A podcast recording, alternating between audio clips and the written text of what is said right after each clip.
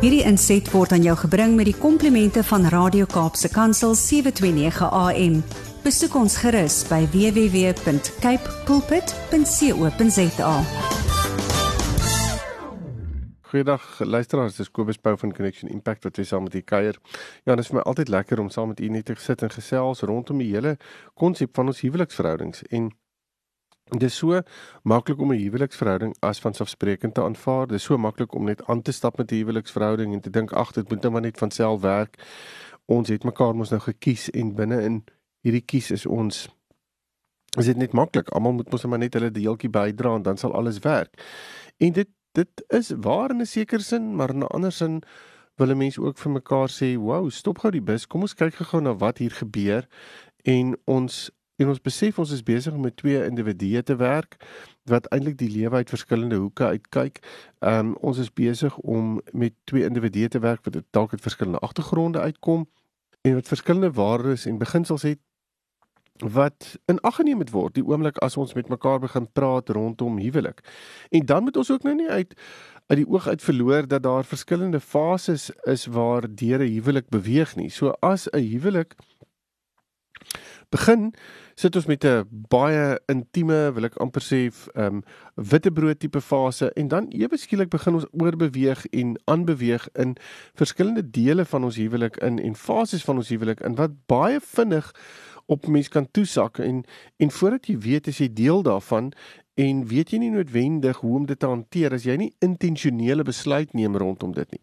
So Ja, ek het sommer gedink ek wil 'n bietjie gesels vandag oor die hele konsep van ehm um, hoe om jou huwelik te verbeter. Wat kan 'n mens doen om praktiese stappe wat 'n mens kan doen om net weer jou huwelik aan te spreek, om net weer intentioneel na jou huwelik te kyk en sekere dinge in plek te kry. Nou, die woord hier is intentioneel want ons kan so maklik wegstap van goed af en um eintlik vir mekaar sê ons voel dis nie nodig nie ons emosies ervaar um dinge is eintlik heel goed of wat ook al en dan sit ons in 'n plek waar ons nie noodwendig met mekaar praat uit dit wat ons weet nie.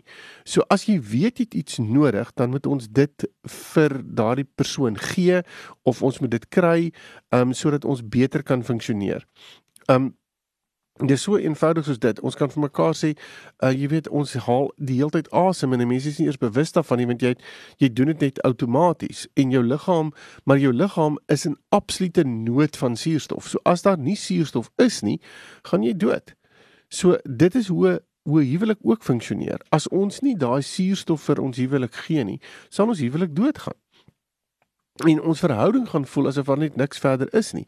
So wat is daai suurstof? Wat is dit wat ons huwelik nodig het wat ons dalk as baie van selfsprekend aanvaar? Want as mens nou mooi kyk en jy gaan sit en dink by jouself, neem ek elke keer intentioneel is, is ek bewus van elke asemteug wat ek gee?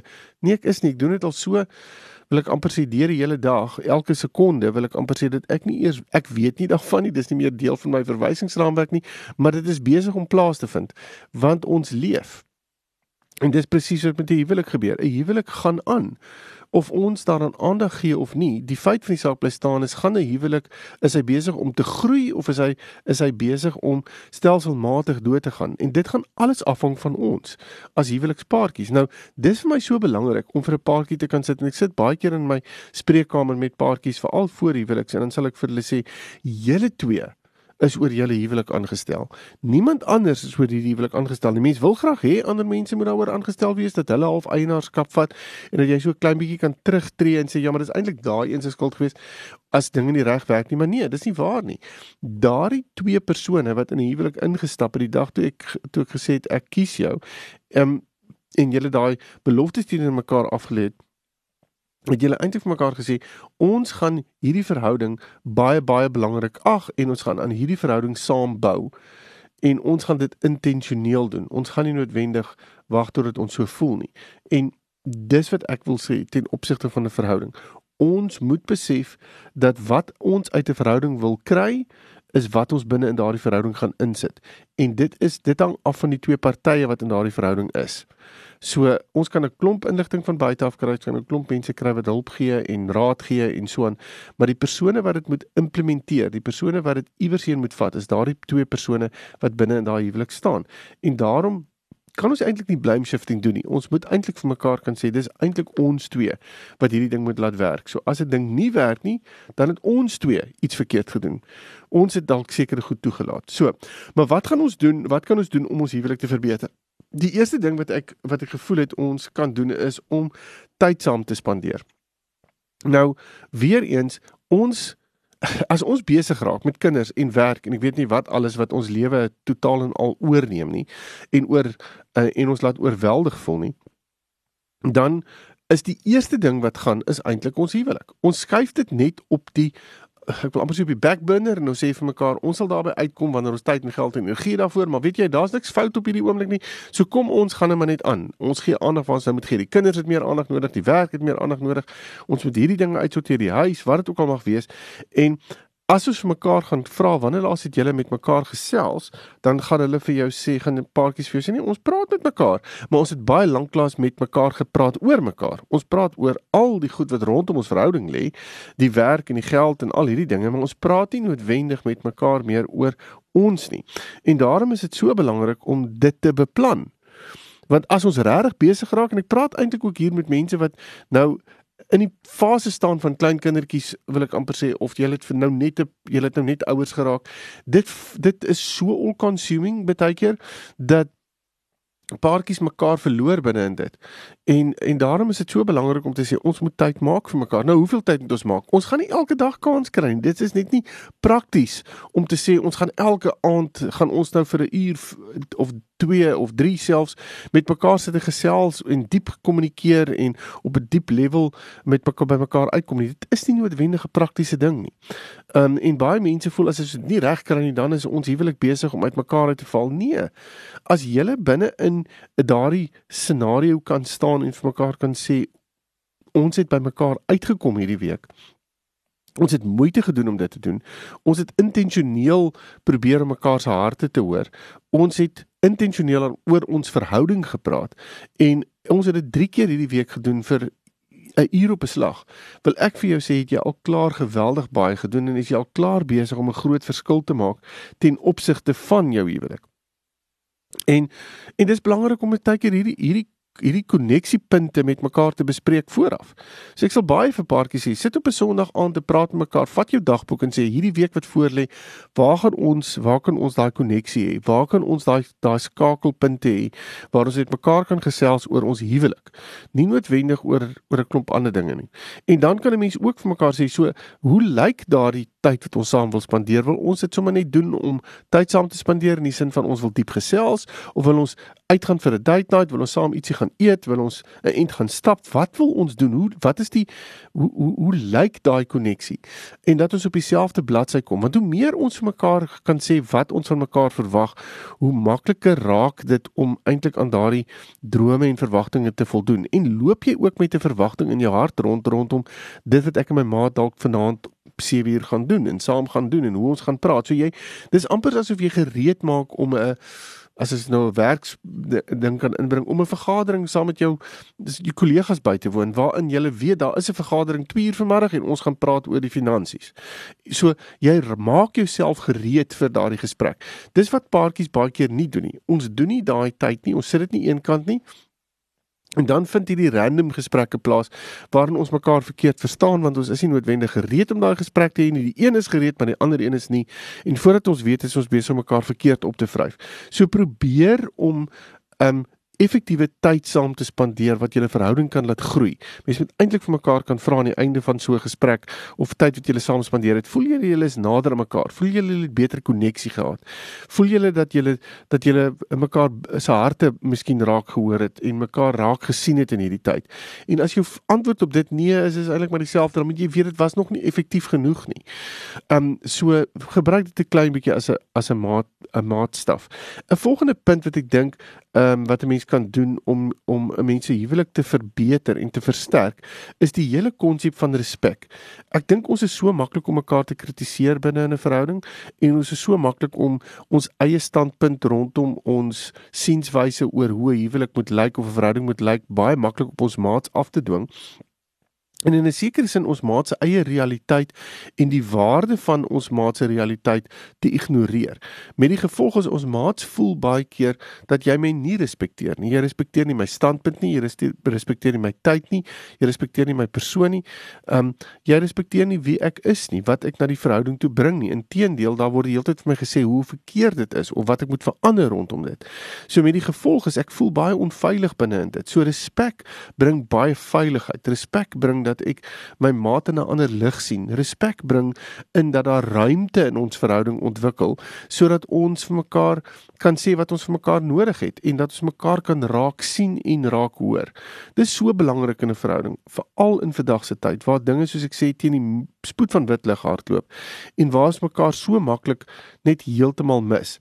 So dis belangrik om vir mekaar te sê in plaas daarvan dat ons kritiek gaan lewer, in plaas daarvan dat ons vir mekaar die hele tyd wil uithaal oor goeders, kom ons maak tyd om te gaan sit en te luister wat dit is wat jy sien of ek sien wat verskillend is.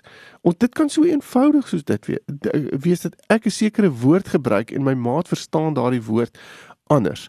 Nou my maat kan iets sê en ek kan dit heeltemal anders interpreteer. En as ons nie as ons nie respek vir mekaar gaan hê nie en respek gaan hê dat ons dat ons dinge verskillend kan interpreteer nie, kan ons baie baie maklik hierdie pad byste raak en kan dit 'n baie negatiewe ervaring raak. Maar as ons juis kies om mekaar te hoor, juis kies om mekaar um, met respek te hanteer, nie krities nie, maar opbouend en vir mekaar daai ruimte te gee, kan 'n huwelik net groei en sterker raak. Ek dink 'n ander ding wat belangrik is is om te besef dat binne in 'n huwelik is daar is daar regtig twee mense. Dis jy en jou maat. En baie keer is dit nodig om net vir wil ek amper sê voor 'n spieël te gaan staan en te sê waar is ek op hierdie stadium in ons huwelik? Maar waar is ek in die lewe ook? Ons moet baie keer net so 'n klein bietjie gaan selfrefleksie doen ten opsigte van dit wat jy waar jy is wat watter verwagtinge jy in die lewe het want net soos 'n huwelik deur verskillende fases beweeg beweeg ons self ook deur fases. Um en het dit 'n versekerde impak op ons persoon en daardie ervaring van wat ons as persone het in en individue het gaan 'n definitiewe invloed binne in ons verhouding hê. So as on, ons kan nie die goed eintlik losmaak van mekaar nie. Die een is afhanklik van die ander een en die een beïnvloed die ander een ook. So daarom moet ons vir mekaar kan sê wat is dit? En as ons nie genoeg tyd maak rondom dit nie, kan ons baie maklik daardie standpunt daarte van ja, maar as jy lief is vir my, sal jy weet hoe ek voel en wat ek wil hê. Ek weet nie noodwendig wat dit gaan wees nie, want ek weet nie noodwendig in watter fase jy is nie. Ek weet nie noodwendig wat dit is wat jy op hierdie spesifieke oomblik van my nodig het nie. Want die oomblik as ons net um dinge van mekaar gaan aanvaar of eenvoudig op 'n plek gaan kom waar ons gaan sê maar jy behoort te weet, dan is ons eintlik besig om te sê ek gee 'n verantwoordelikheid vir my maat om om my te leer ken en my raak te sien, maar ek is nie bereid om dit met my maat te deel nie.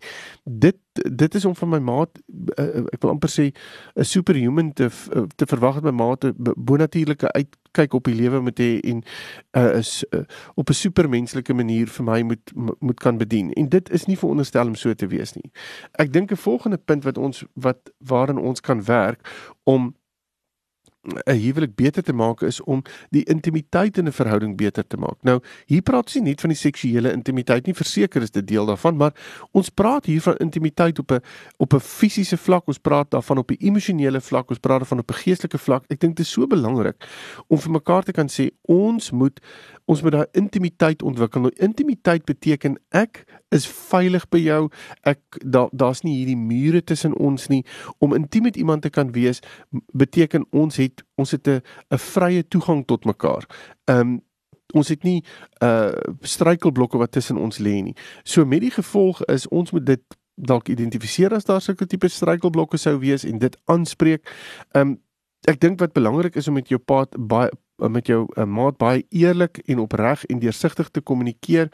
Dit is om tyd te maak vir jou maat soos ek in die begin gesê het, maar ook intentioneel net heeltemal weg te stap van goed soos um uh, waar waar jy jou tyd laat opneem deur fone en um rekenaars en TV's en sulke tipe van goed waar ons want dit beïnvloed soveel intimiteit dit beïnvloed soveel kommunikasie dis om te gaan sit en te sê ek het nodig om met jou te kan deel oor wat in my hart aangaan. Ek het nodig om jou in my wêreld in te bring. Ek het nodig om kwesbaar teenoor jou te wees. Ek het nodig om te ervaar jy wil sommer aan aan my vat elke nou en dan. As jy verby my stap streel jy my hare of jy vat aan my hand of uh, of jy gee my sommer net 'n piksoentjie of iets in die lyn want dit beteken daar's ewe skielik daai intimiteit tussen ons twee wat nie noodwendig altyd gekoppel word aan seksuele intimiteit nie. Maar dit is iets waar ons met mekaar kan werk en binne in dit lê daar 'n baie sterk koneksie opgesluit daar lê baie sterk veiligheid opgesluit en voordat ons weet het ons baie het ons eintlik pret as 'n paartjie. Um, want ons geniet dit om tyd saam te spandeer. Ons geniet ons saam wees. Ons geniet ons um, net om uh, dinge saam te doen. En dit bring my by die volgende punt uit van om net vir slag te gaan sit en te sê waar is ons gemeenskaplike punte wat ons ja, wat ons saam geniet? Wat is dinge wat ons saam geniet? En as ons nie so iets het nie, dan moet ons eintlik gaan sit en vir mekaar sê ons moet so iets probeer kry. Maak nie saak wat dit is wat vir ons werk nie. Um ek dink dit is so belangrik om om daai gemeenskaplike goed te kan hê waarin ons ehm um, mekaar ondersteun en wat vir ons lekker is om saam te doen want dit lê buite ons dit lê buite 'n huishouding argument totaalwe ehm um, maar dit is iets wat ons saam doen en wat vir ons as 'n paartjie energie gee. So as jy nie weet wat dit is nie, wil ek amper sê gaan doen moeite en en en begin met mekaar hieroor gesels. En as daar nie so iets is nie, probeer so iets vir julle oprig.